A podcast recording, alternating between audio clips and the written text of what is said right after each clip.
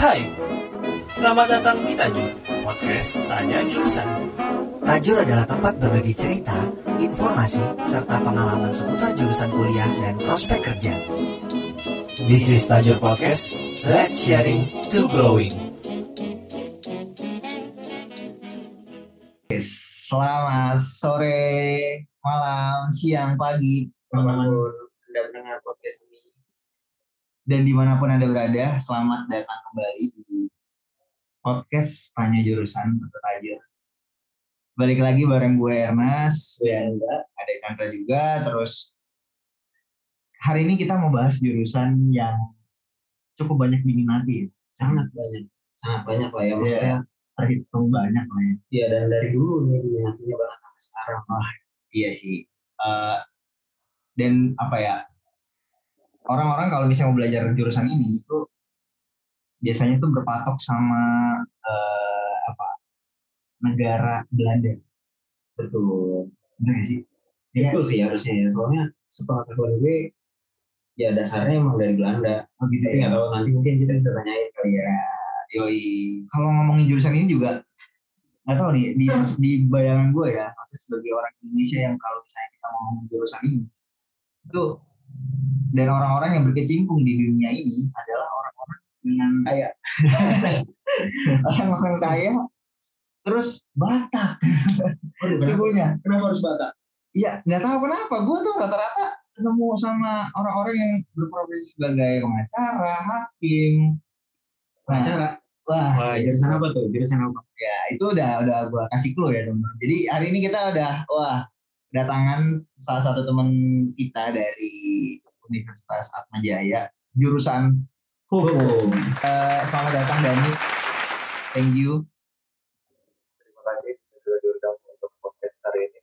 Yoi, thank you banget. Eh, ini adalah Krisdani Yohanes, eh, salah satu mahasiswa hukum Atma Jaya yang saat ini sudah lulus ya Dan ya?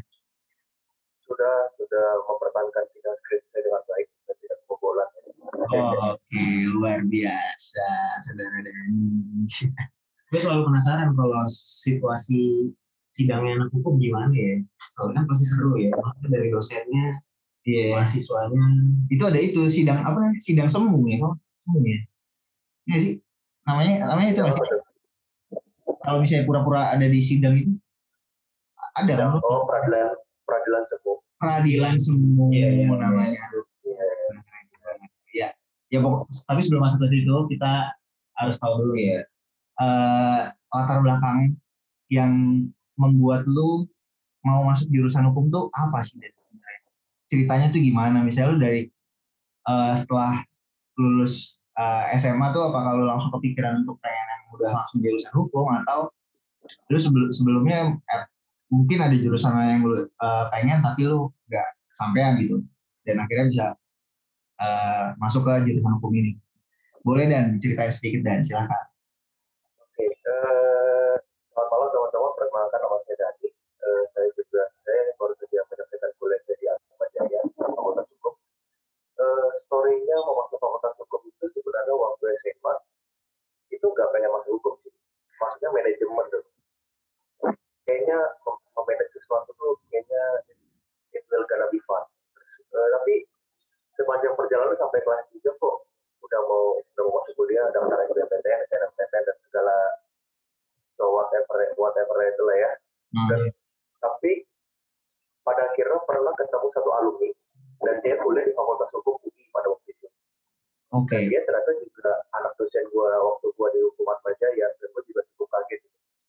Terus waktu itu dia eh, kasih tahu reasoningnya kenapa dia pengen kuliah hukum.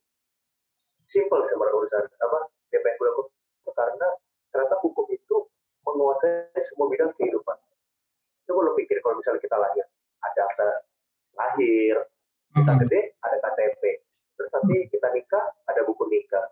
Nanti kita mau nyetir, ada SIM, surat izin mengemudi. Nah, semua itu ternyata tuh diatur oleh semua, eh, semua itu diatur oleh aspek hukum. Jadi kehidupan kita tuh ternyata tuh banyak hukumnya. Itu enggak, tapi itu itu ya, itu eh, peraturan eh, misalnya yang kita kalau tinggal di suatu negara. Misalnya ada lagi gini, mungkin kalau misalnya kita pernah belajar IPA, gravitasi, terus ada ada apa namanya itulah itulah. Ternyata ada lagi hukum Newton Hmm. hukum Archimedes. Hmm. ada lagi misalnya dari kalau kita norma agama itu ada hukum hukum agama ada hukum Tuhan ternyata tuh oh ternyata semua manusia itu diatur oleh hukum dalam tanda kutip maksudnya hukum itu ternyata menguasai semua bidang kehidupan manusia terus kayaknya Iya. tuh sesuatu yang sangat wow gila hukum menguasai semua bidang kehidupan manusia artinya gue bisa masuk di mana aja nih. nah Iya. semenjak itulah gue tertarik untuk masuk fakultas hukum begitu Oh. ceritanya Oke, Berarti oke. alasannya kalau yang gue denger cukup esensial banget ya maksudnya dari Iya, cukup wow, cukup apa ya? Ya benar esensial ya. cukup esensial maksudnya di luar kayak pasti kan biasanya kalau orang mikir uh, Ngikutin teman. Atau prospek kerjanya bagus, emang gue pengen jadi pengacara. Ya rata-rata ya gue jadi lawyer lah gitu. Iya. Tapi emang cukup esensial sih maksudnya. Wah, Wah. alasannya tuh iya sih. Setelah gue pikir emang kita setelah lahir ya Dan emang banyak hukumnya. ya, emang semuanya serba ada hukumnya gitu kan. Dan tadi kan itu pasti itu katanya diceritain sama salah satu senior ya Iya, senior. yang. Iya betul Itu gimana maksudnya kalau kalau sepengalaman gue, gue di Trisakti BTW banyak banget anak hukumnya, gue juga punya teman anak hukum. Biasanya kalau ketemu anak hukum apalagi senior tuh wibawanya gila banget gitu. Biasanya kita dengar omongan apa, oh iya benar, oh iya benar. Gitu. Itu nggak sih kalau ketemu senior senior senior hukum dan saat pilih jurusan itu, saat mendengar advice itu dari senior lu bang?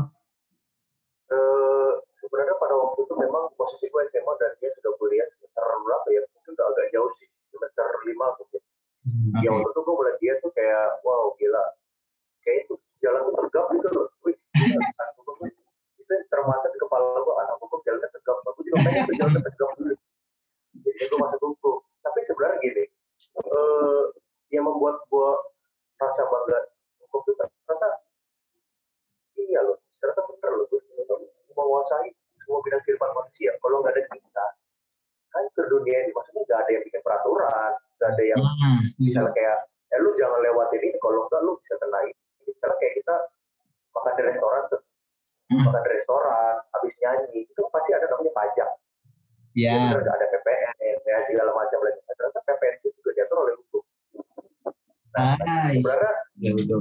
Nah, sebenarnya belajar hukum itu membuat gue berpikir belajar lebih ke filosofis, tapi bukan filsafat ya, lebih ke Ya. reasoning kenapa kok ini harus diatur diatur kayak gitu kayak gitu. Itu membuat gue lebih berpikir ya lebih esensial sih.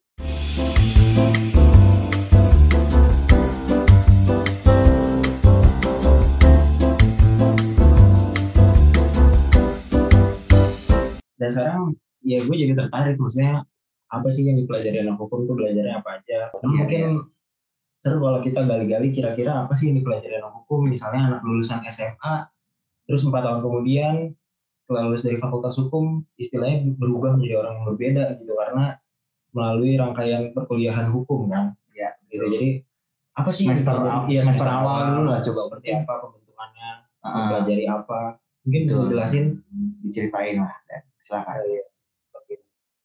Kalau semester satu, kayaknya semua mata semua jurusan pasti di mata kuliah namanya pengantar ya. Nah, Iya. itu apalah judulnya pengantar ilmu ekonomi lah, pengantar itu semua kita kan kayak diantarkan dulu untuk iya, masuk iya, ke ya ibaratnya kita mau masuk rumah tuh gerbang eh, sebelum masuk gerbang tuh ada namanya yang pengantar itulah itulah Betul, betul. itu gue juga belajar pengantar hukum, pengantar ilmu hukum. Jadi gue dapat pernah mata kuliah pengantar hukum Indonesia sama pengantar ilmu hukum. Itu dulu gue sempat bingung tuh, apa bedanya gitu.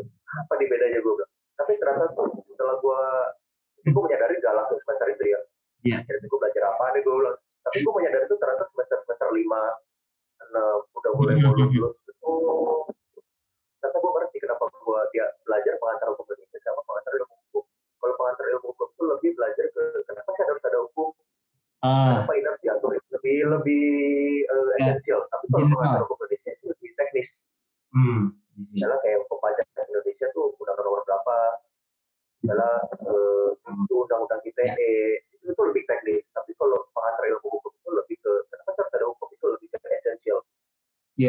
yeah, yeah, yang iya. gue ajarin yang gue belajar di awal-awal tapi begitu masuk semester dua mulai di spesifik eh, mulai masuk ke bagian yang lebih spesifik oke okay. misalnya kayak hukum pidana hukum perdata ya yeah.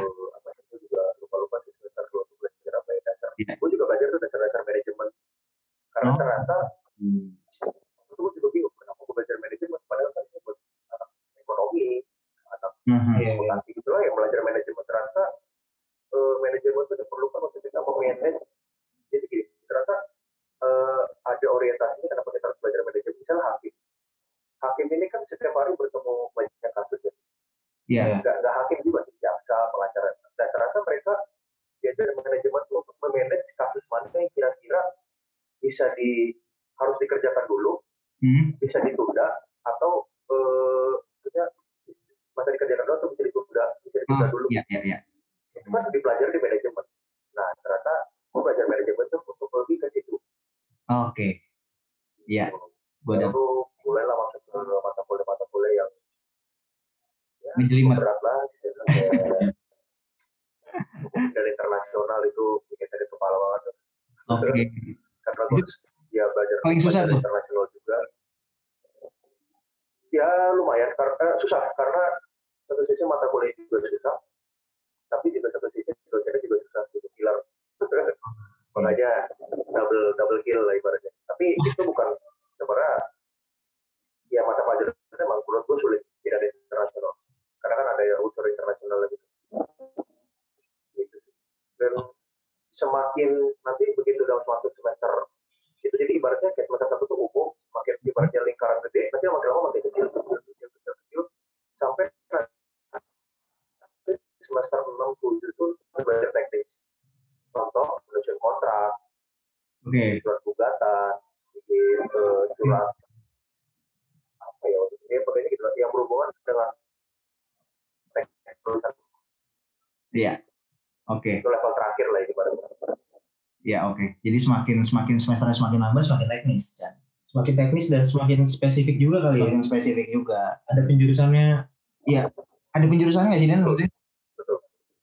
Di hukum tuh? Semester- semester berapa masuk tuh? Eh, kalau di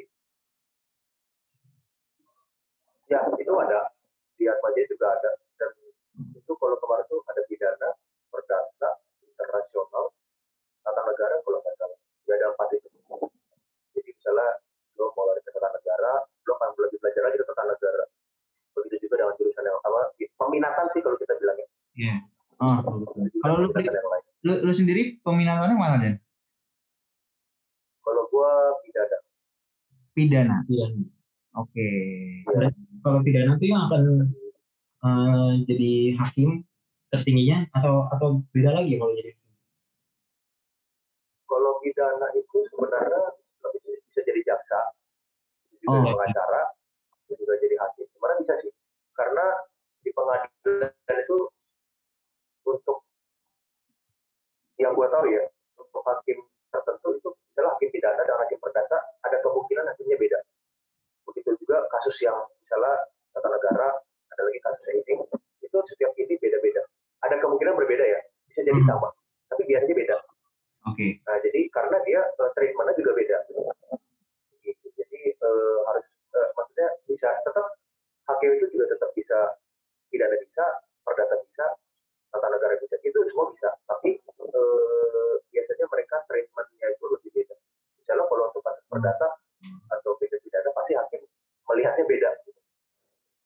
Iya. Jadi mungkin ada hakim yang eh, biasa ke pidana kayak gitu ya. Ada kayak hakim yang ke Perdata. perdata. Bisa Ya, jadi. betul, betul, Hmm, betul. Apalagi kalau kasus-kasus khusus ya. Nah, Iya. itu beda, beda lagi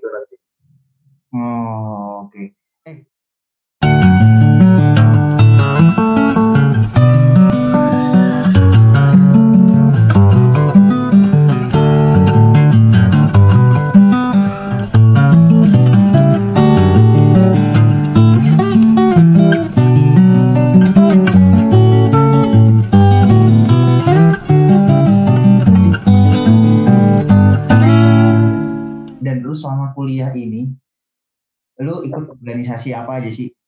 Gue ikut contohnya itu harus itu harus itu kayak komunitas debat di hukum.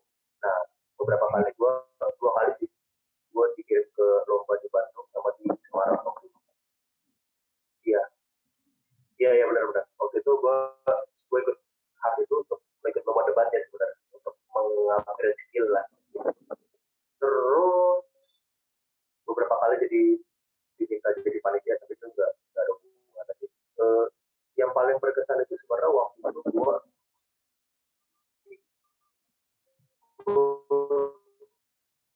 sama Wernes sih eh, ikut YCS juga ada di Atma Jaya lah Oke. orang Katolik itu nanti ada itu terbisanya lagi lah teman-teman gitu ya Dapat, tapi yang paling berkesan adalah waktu itu gua mengikuti waktu gue summer school ke Eropa juga waktu bulan itu yang paling berkesan buat gue. karena eh, gue ternyata lebih bisa mempelajari hukum lebih dalam lagi dibandingkan yang mempelajari di Indonesia. Jadi mereka benar-benar menanyakan sesuatu yang lebih filosofis lagi dan itu cukup membuat gue pusing. Tapi setelah gue pulang dari sana memang gue bertanya tapi iya juga ya ternyata ada beberapa hal yang kita nggak pernah bicarakan tapi sebenarnya penting. Mhm. ya dulu Oke. mereka menanyakan sebenarnya hak asasi manusia itu penting gak sih? Mana lebih penting eh, nation's right eh, hak hak hak keselamatan bangsa atau hak asasi manusia itu itu lebih detail lagi ternyata dipelajari waktu gue di Eropa itu itu sangat sangat berkesan bagi gue dan ya iya. karena mereka lah juga mereka yang membantu skripsi gue sampai selesai sekarang kalau nggak ada mereka mungkin gue nggak tahu jadi apa gue mungkin nggak sukses Oke, ini ini ini menarik nih, menarik. Menarik sih. Eh, apa namanya? Eh, tadi lu apa ke Eropa ya, Dan? Itu apa maksudnya dari dari organisasi kah atau itu student exchange kah atau apa? Eh, jadi fakultas hukum itu waktu itu membuka jadi ternyata fakultas hukum itu ada kerjasama sama salah satu univ di eh, Eropa dan mereka membuka summer school. Jadi kalau di barat itu ternyata banyak sekolahnya dan per musim lagi. Ada summer, ada winter, ada Oh. apalagi di musim. Eropa dan itulah gitu ya. Itu setiap musim ternyata ada dan Mhm. itu biasanya lebih jangka waktunya nggak lama Mhm. bulan, dua bulan, tiga bulan. Beda sama student exchange yang bisa sampai degree dan waktu jang- jangka waktunya bisa panjang juga. Iya. Nah, itu gua nggak nggak sepanjang itu. Mhm. Itu dari fakultas hukum sih waktu itu, juga ada seleksinya waktu, mau berangkat. Oh, oke. Berarti lu lolos seleksi ya dari dari berapa yang peminatnya itu Dan? Yang mau Eh, atau enggak? waktu itu gua berpikir itu nggak yang dapat bisa 20, 10. Tapi ternyata yang daftar cuma dua. Wadaw. Salah satunya gua. Ya, Kayaknya minder kali ya.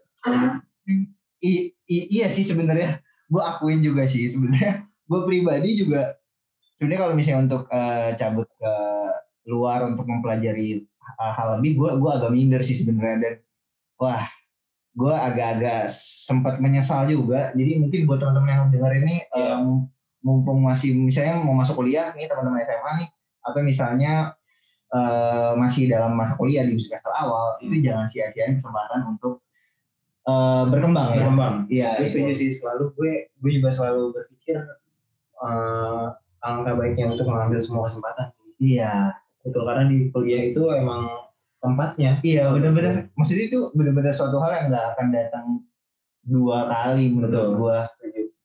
Dan ya kan kita nggak ada tahu orang tahun 2020 bakal jadi pandemi ya nggak bakal ada yang tahu dan semua rencana tuh bisa gagal Bisa gitu aja. Iya. Itu kan kayak wah gila sih.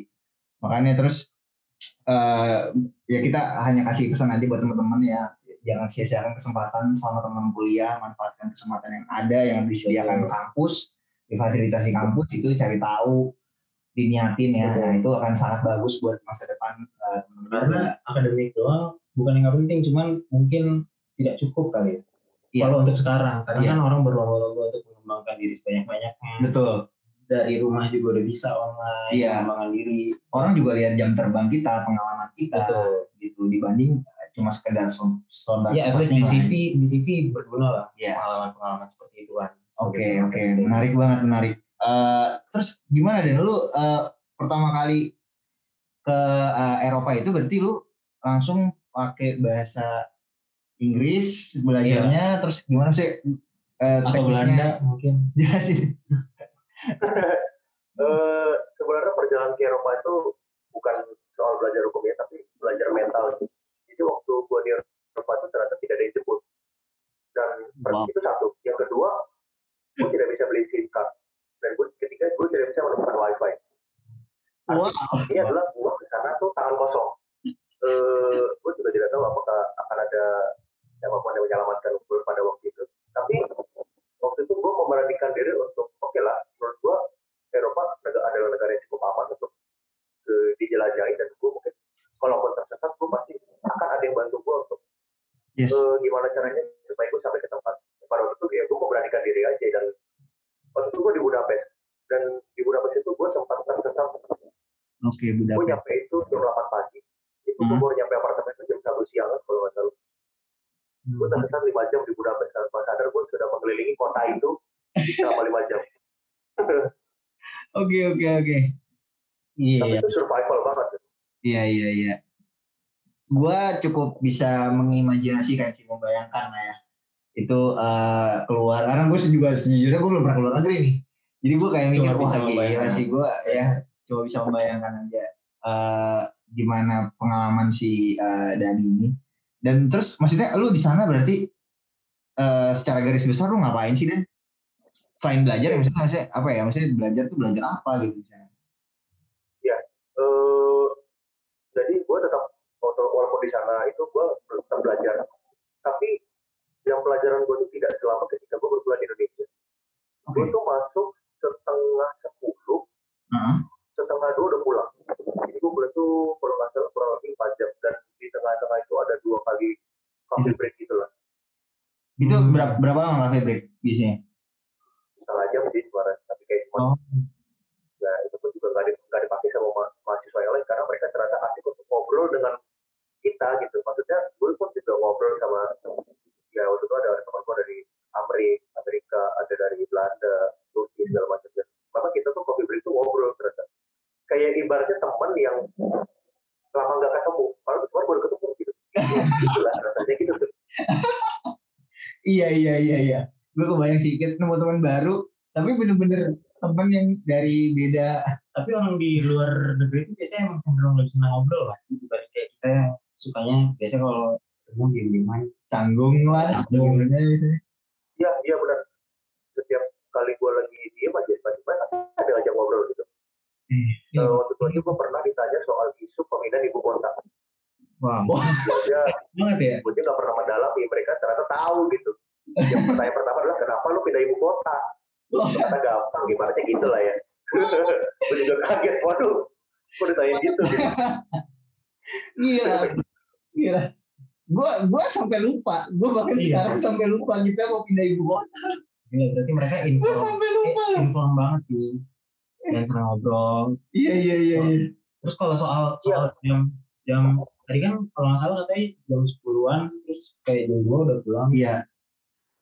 Itu lebih efektif kan dibanding Iya, ap- apa gimana menurut tuh? Lebih efektif atau gimana? Menurut, jadi kalau misalnya kita pernah baca buku, kenapa sih orang orang di Eropa, kita ambil Eropa contohnya, kenapa sih orang Eropa tuh yang belajarnya dikit, tapi orangnya pintar-pintar gitu. hmm, Iya iya. dibanding kita yang yang belajarnya panjang tapi kok bukan nggak pintar tapi kok kayaknya eh, sulit untuk berkembang lah ibarat bisa Iya. kita mungkin pembahasannya begitu kali Yes yes. nah ternyata selama pelajaran itu mereka nggak neko-neko. Misalnya kalau kita dulu aduh anak-anak diam dong di sekolah mereka nggak ada. Hmm, itu mereka tuh ya datang udah siap buat belajar. Jadi ibaratnya sebelum mereka makanya mereka nggak pernah telat. Gue sering banget telat di situ sebelum masuk kuliah itu telat. Hmm. dan itu ternyata tuh mempengaruhi psikologis kita ketika kita akan belajar. Kita nggak siap. Jadi ya akhirnya kita kayak agak ngelamun gitu, dan see. ternyata mereka tuh nggak gitu gitu. I see, I see. Ya, ya, ya. Dan dan kerennya lu bisa menyadari hal itu sih. Dan maksudnya, wow. Dan lu memperhatikan hal itu, terus lu menyadari bahwa ya kita masih kekurangan dan mungkin itu benefitnya kali ya kita jadi mengetahui di luar seperti apa. iya itu itu itu menarik banget sih Hmm. pengalaman. Itu pengalaman yang menarik. Iya, iya, iya, iya. Terus terus eh, apa namanya? Mata kuliah yang dipelajari itu apakah sama dengan yang di sini atau lu apa aja tuh mata kuliah yang di sana yang diambil? Waktu itu gue belajar soal lebih kalau misalnya di, di konten ada pidana, perdata, tata negara dan itu tidak diambil ya.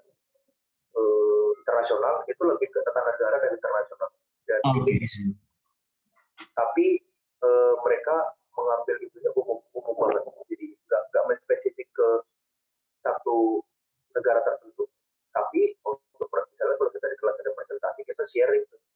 Ya. negara kamu kayak gimana ngatur nasib itu. Dan gue pernah waktu itu gue pernah waktu itu gue pernah soal mempelajari eh, martabat manusia dan gue ceritain film ada yang pernah nonton Lone Survivor gak? Mark Wahlberg itu Apa apa? Su- Survivor? Eh, nama filmnya Lone Survivor yang Oh, diperankan oleh Mark Wahlberg. Nah waktu itu gue diceritain soal itu. Oke. Itu adalah film referensi yang bagus eh, martabat manusia, eh, hubungannya martabat manusia dengan hu- hukum militer itu itu seru banget. Dan ternyata gue dikasih tahu itu, dikasih tahu penjelasan itu dan hubungan dengan film. Ternyata mereka belajar dari film. Walaupun ada bukunya juga gitu. Hahaha. Jadi ada contoh nyatanya kita bisa, oh kita nggak kita nggak cuma cuma iya iya, tapi kita bisa membayangkan situasinya kayak gimana. Hmm, kita nonton filmnya. yes. Nah, gitu. Iya iya iya. Itu iya. Wah. banget. Gila. Gua selama tiga tahun lebih kuliah, kayaknya gua kagak nonton film dari kampus. Biasanya kalau ada acara iya, biasanya kalau ada acara nonton kalau di sekolah-sekolah atau kuliah gitu nonton film pendek biasanya itu cuma basa-basi. Iya. Basa-basi guru atau dosen so asik aja sebenarnya. Iya, itu Padahal filmnya nggak kalau nggak paling pemutaran film yang hanya di acara khusus misalnya seminar Iya, atau apa. Kayak Di dalam kelas tuh nggak ada secara eh, ini apa dosennya bahas. Dan kalau menurut gue banyak film-film Eropa itu Amerika, Eropa gitu yang memang berdasarkan pemikiran-pemikiran nyata nggak sih? Ya, iya betul betul. Jadi kayak ada pemikiran orang pemikiran apa dituangkan dalam film. Iya dan dan berdasarkan sejarah-sejarah juga kayak misalnya banyak film-film tentang ekonomi, tentang kejadian-kejadian ekonomi, krisis. Jadinya itu bisa sebenarnya film Nah, itu bisa jadi jadi media pembelajaran. pembelajaran. Jadi pembelajaran. Karena mungkin industrinya juga terlalu panas. Nah itu dia ya. Wah, alami waktu itu. Oke, keren banget sih disiplin. Jadi kalau misalnya dari pengalaman yang di Eropa tadi belajar tentang satu disiplin nih. Disiplin itu. Disiplin. Terus eh, yang kedua adalah eh, bergaul dengan banyak orang dari berbagai negara. Iya, ya. itu bergaul. dan itu akan jadi link link lu yang sangat mahal kan dan ya nggak sih? Eh, ya gue sudah merasakan gue aja bantu skripsi. Jadi ternyata gue tuh sempat Hmm. butuh, gue tuh punya dosen yang dia kuliah S2-nya di Amerika, S3-nya itu di Jerman. Jadi lu bisa membayangkan gak sih kayak dia tuh udah lama banget di di luar negeri. At least gue harus bisa. Memang kalau untuk menyamakan gak bisa, tapi paling tidak mengimbangi. Nah kalau gue membaca buku-buku, bukan yang ini, tapi kalau gue hanya membaca buku Indonesia sepertinya sulit karena gue tidak mendapatkan gambaran yang lebih jelas. Jadi gue harus membaca buku-buku yang pakai bahasa Inggris. Nah, teman gue ini membantu untuk eh nah, gue punya beberapa jurnal gitu. Misalnya gue juga kadang diskusi soal beberapa baru-baru ini gue diskusi soal narkotika sih, bagaimana pengaturan dan segala macam hubungannya ke mana-mana mana. Dan ternyata dia memberikan banyak eh, artikel yang oh yang pokok gue bilang itu ternyata tuh ini ini ini memang nggak sama pengaturan tapi kita kayak melihat benang inti benang merah itu yang kayak "Wah, harusnya kayak gitu bisa dong tapi disesuaikan dengan ya gitu gitulah dan Aha. dia banyak memberikan bahan untuk promo skripsi ya jadi ya skripsi gue juga bisa selesai dengan lancar dan dosen gue juga nggak banyak protes soal ukuran terutama ya Oke, jadi ternyata eh, cukup apa eh, banyak membantu juga ternyata. pasti sangat Sangat membantu juga ya. Iya iya iya. Oke oke. Eh, dan oke itu eh, sekilas tentang cerita Iya, di Dani di Eropa Di ya. Jadi Eropa. mungkin teman-teman eh, bisa semoga bisa terinspirasi juga dari cerita ini dan eh, lebih semangat lagi belajarnya untuk menggapai apa yang teman-teman inginkan gitu. Nah,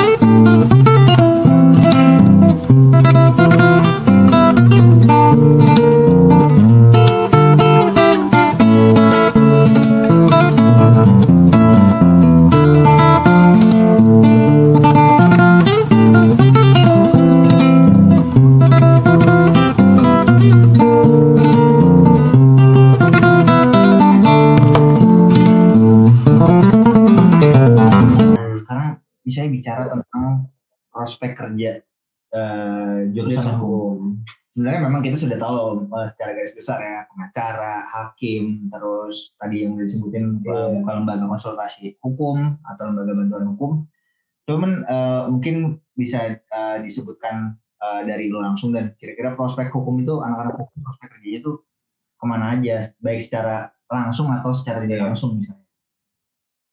Ya, ya, ya. Eh, tadi yang gue sebutkan di awal bahwa hukum itu kan berhub- berhubungan dengan segala aspek eh, kehidupan bermasyarakat gitu ya. Jadi semua bisa masuk contoh kalau lo, I think lo kalau dari posisi yang mungkin kita agak agak kepikir dari Pak RT kayaknya bisa atau camat gitu, itu juga Iya. bisa karena kan kita mau banyak mengurus dokumen. Iya. Terus jadi notaris itu yang paling umum, GPAT juga bisa. Hmm. Eh, konsultan pajak juga bisa, tapi dia melihatnya dari sisi hukumnya, bukan dari sisi hitungannya. Iya. Oh. Hukum-hukumnya. Iya, iya, iya. iya. Jadi kalau konsultan pajak itu biasanya bukan cuma ada ahli hitung-hitungan, tapi dia juga ada bagaimana caranya misalnya eh, menghindari pajak, eh, gimana caranya supaya pajak ini kita bayar enggak, bukan bukan bayar enggak full, maksudnya tidak berlebih. Hmm. Ya, kayak gitu-gitu itu biasanya konsultan pajak itu juga ada. Eh, lalu pengacara itu udah paling umum, Ya. hakim, jaksa, HRD juga bisa, tapi biasanya HRD ini kalau HRD-nya psikologi dia lebih ke treatment ke siapa namanya si karyawan ya. Tapi kalau HRD-nya hukum dia lebih ke kontrak kerja, Ah, eh, negosiasi, negosiasi dengan karyawan itu hubungan dengan kontrak kerja. Misalnya ada bi- bipartit, ada perundingan sama karyawan. Misalnya kalau bipartit itu per- perundingan perusahaan dan pihak karyawan. Jadi kalau tripartit itu udah pakai pihak ketiga itu negara. Nanti ada lagi sengketa tenaga kerja. Itu biasanya eh, pakai HRD tapi kalau yang ngambil hukum. Jadi dia se- sebagai legal juga. Kayak gitu. Iya, iya. Dia legal assistant, legal ya kalau misalnya perusahaan-perusahaan, misalnya film, Mhm. itu film itu biasanya ada bagian legalnya itu eh, untuk Ah, mengurus misalnya kayak bagian produksi, harus ke apa? aturan-aturan KPI, Iya. ya gitu gitu lah. Ya, hubungan yang ada hubungannya sama aturan. Hubungannya sama aturan, jadi itu hukum masuk. Itu dia Sekarang kuncinya. jadi masuk akal kenapa hukum itu emang katanya masuk ke semua aspek sih.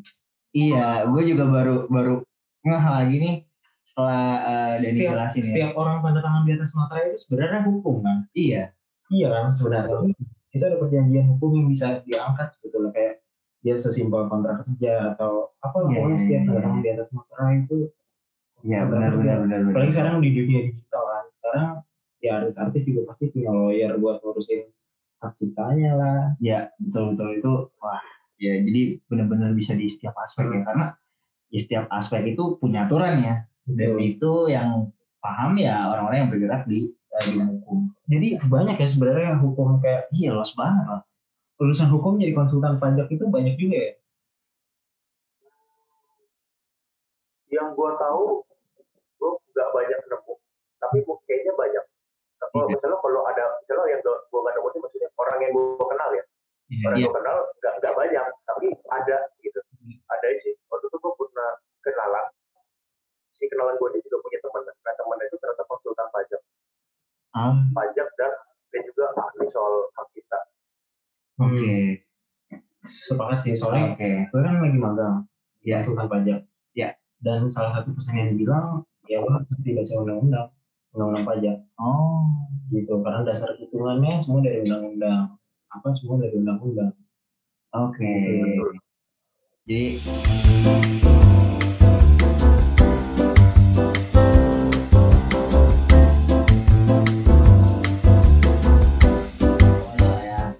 Oke oke oke ya. menarik. soal pengacara kali benar nggak sih pengacara itu penghuni neraka nomor satu Penghuni neraka nomor satu. karena belain orang salah kalau di pengadilan katanya Eh, Oke, ya. Atau Karena ada Iya, stigma apa ya, yang ya, ya, ya, ya. Ya. sebenarnya pengacara itu bukan belain orang salah tapi apa gitu? iya apa yang perlu diluruskan dari stigma itu Eh, sebenarnya gini, sebenarnya pengacara itu bukan membela, mungkin gini, kenapa, sih ada pengacara membela koruptor? Sebenarnya dia bukan membela, misalnya kita ambil Setnov Setia Novanto ya, yang Ya. Apa namanya yang sudah cukup orang tahu lah gitu. Ya.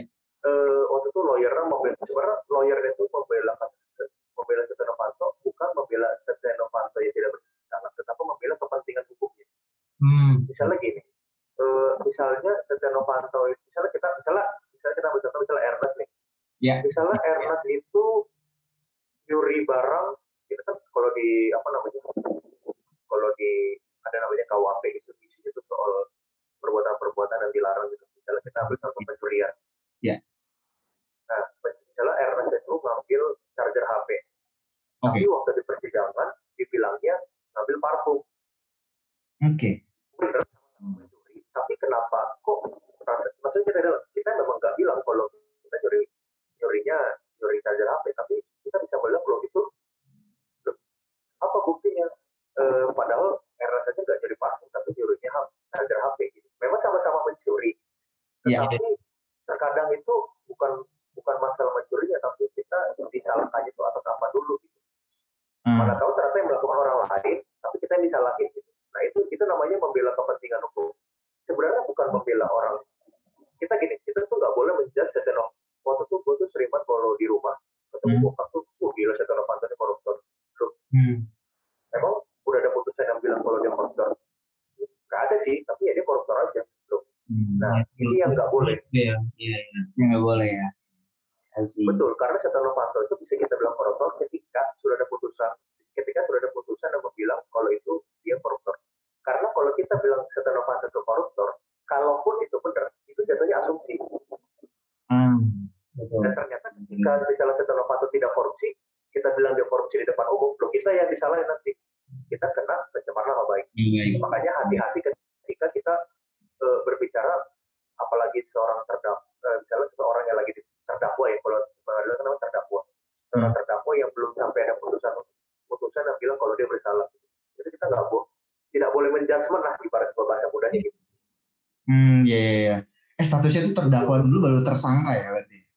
Eh, tersangka dulu Oh, tersangka dulu. Oh, iya. tersangka Wah, baru terdakwa Oh, tersangka dulu. baru nanti kalau dia ada putusan hakim namanya terpidana Oh, gitu. iya, iya. Jadi pokoknya pengacara itu ya memastikan setiap orang tuh mendapat perlakuan hukum yang adil lah. Iya, iya. Kalau nah betul itu dia dia melakukan kejahatan, dia dihukum sesuai. Dia pengacara itu memastikan dia dapat hukuman yang sesuai, nggak nggak ada lebih lebih nggak Iya. kelebihan juga Enggak karena hanya orang kebunuh atau nggak terlalu eh, kurang hukumannya maksudnya ya. Iya, iya. Berarti pengacara itu menghuni surga nomor satu. Harusnya. Iya, iya, iya. Berset banget. Salah. Ya, Iya, ya oke, pokoknya itu oke. stigma soalnya kan stigma paling ini kan oh pengacara itu belain orang salah Iya, belain bilang salah. atau pokoknya ngomong yang penting yang dibelain benar Iya, iya, iya. uang yang penting dia dibayar kan juga stigmanya kan Iya. ya buruk juga ya harus diluruskan betul buat teman-teman yang kita boleh nggak suka sama orang tapi kita juga jangan judgment iya Tinggi banget ya. Bener-bener terakhir ya tadi ya. Tadi sebelumnya nggak jadi yang terakhir. Tadi udah jadi Iya. pertanyaan terakhir ya berarti ya. Dan eh, oke mungkin untuk eh, ya sebelumnya terima kasih dulu untuk Dani yang udah mau berbagi di sini untuk eh, sharing kita tentang eh, ilmu-ilmu hukum tentang eh, pandangan-pandangan secara Iya. hukum gitu kan. kerja Prospek kerjanya juga. kegiatan-kegiatan kegiatan kuliahnya, magangnya tadi, terus habis itu pengalaman ke Eropa itu dia. Iya, dia. Mungkin dari lu dan ada tips uh, Iya, buat pesan- atau pesan- pesan dan pesan kata-kata untuk teman-teman yang mau masuk jurusan hukum jurusan hukum atau mungkin yang lagi kuliah hukum lagi kuliah awal-awal. ya atau mungkin proses kerja gimana Apa pun siapa itulah. apa pun itu. Siapa pun lah, silakan. sebenarnya eh, ya ini termasuk jurusan hukum ya tapi apa pun kuliahnya ini yang tidak terjadi pada gue untuk gue ini sebisa mungkin kita banyak berbuat salah eh, ibaratnya gini selama kita masih kuliah dan selama itu pada dalam pembelajaran kita tuh sebisa mungkin banyak melakukan hal-hal yang maksudnya melakukan banyak salah gitu kita tuh kadang takut untuk aduh gue takut kalau salah nih dibully. Nah itu yang gue dulu waktu belajar di Eropa. Anak-anak di sana tuh aktif angkat tangan. Ya mereka juga waktu gue tanya ya, lu kok bedanya angkat angkat tangan ya biarin kan kan kuliah itu belajar. Kita sama berbuat tidak salah eh, banyak berbuat salah. Lu besok kalau udah kerja lu salah mati kita kita tidak habis gitu kan. Kita tidak habis gitu. Iya iya iya. Iya iya. Over. akal. Nah, Iya iya iya. makanya gue berpesan untuk kita tuh eh, selama kita masih kuliah banyak-banyak berbuat salah. Itu eh, ternyata itu yang gue rasakan adalah oh jadi gue tahu yang benar. Ibaratnya kita nggak tahu bersih kalau kita nggak tahu kotor. Ya kita nggak tahu enak kalau kita enak. Kan kayak gitu. Kita nggak tahu salah dulu mana baru kita tahu yang mana yang benar gimana. Terus juga kita nggak akan dijudgment kayak oh bego lu. Maksud gue ini kan pembelajaran. Kita tetaplah bodoh dan tetaplah lapar kalau kata seseorang gitu. Karena kita tetap lapar kita kita tetap bodoh itu kita terus mengisi otak itu sampai kita nggak sadar kalau kita ternyata kita sudah luar biasa pintar banget Yoi, yoi. gitu luar biasa itu Yoi. tidak terjadi pada gua pada waktu itu ya gua Oke. cukup menyesali tapi menurut gua ya I think gua bisa membagikan ini ke yang baru mau masuk kuliah ataupun yang menentuk, lagi menentukan jurusan kuliahnya sih Oke. Closingan yang gokil. luar Closingan yang gokil. Tepuk tangan dulu, tepuk tangan dulu. Closingan yang gokil. Tapi gue lihat pasti sangat ikut gimana, sangat setuju ya ya. Gue sangat sangat heran. lu eh, apa eh, menyampaikan tadi itu memang ya bener sih. Bener. setelah gue pikir-pikir iya ya kalau misalnya kita ngelakuin salah mendingan sekarang. Dibanding nanti lu ngelakuin salah yang sangat-sangat saat udah berkarir. Iya satu udah berkarir satu udah bekerja lu ngelakuin salah ya udah pokoknya ya pokoknya berani aja biasakan ya mencoba lah pokoknya iya kan. berani mencoba sih mencoba jangan takut jangan takut salah iya bener bener bener dan yang menarik yang dari itu menarik tuh terus ngisi kepala sampai kita sendiri tuh nggak sadar, nggak sadar kalau kita kita- tuh udah banyak banget Udah isinya banyak ternyata iya betul Iya iya iya iya iya. Yuk, Wah. Iya. Benar benar benar. ya semoga teman-teman yang dengerin dari tadi ya selain tercerahkan dari sisi uh, Iya. prospeknya mau ke mana atau meyakinkan kan untuk masuk hukum dan lain sebagainya Iya. tercerahkan dan ya mungkin dari jurusan lain juga bisa dengar pesan-pesan yang tadi Yang terakhir tadi Yang ya. terakhir. Ah, apa pun jurusannya ikut kembangin diri Iya, di kembangin diri, karena emang ini ya kesempatan kesempatan emasnya lah emas sekarang gitu kan. kesempatan emas gitu untuk ikut organisasi apa Berkembang. Benar benar Berkembang. benar benar. explore apa pun yang bisa dilakuin Iya iya iya. Oke oke oke. Sejauh ini ini closing yang terbaik sih. Gokil. Ini gokil banget nih. Tips-tips buat teman-teman ya berdasarkan pengalaman pribadi seorang Dani. Oke, thank you sekali lagi dan uh, udah mau uh, ngasih tips dan uh, ilmu-ilmunya di podcast Tanya Jurusan kali ini. Uh, gue Ernest, gue Chandra gua Dani kita pamit. See you. Bye. Hai, selamat datang di Tajur, podcast Tanya Jurusan. Tajur adalah tempat berbagi cerita, informasi, serta pengalaman seputar jurusan kuliah dan prospek kerja. This is Tajur Podcast, let's sharing to growing.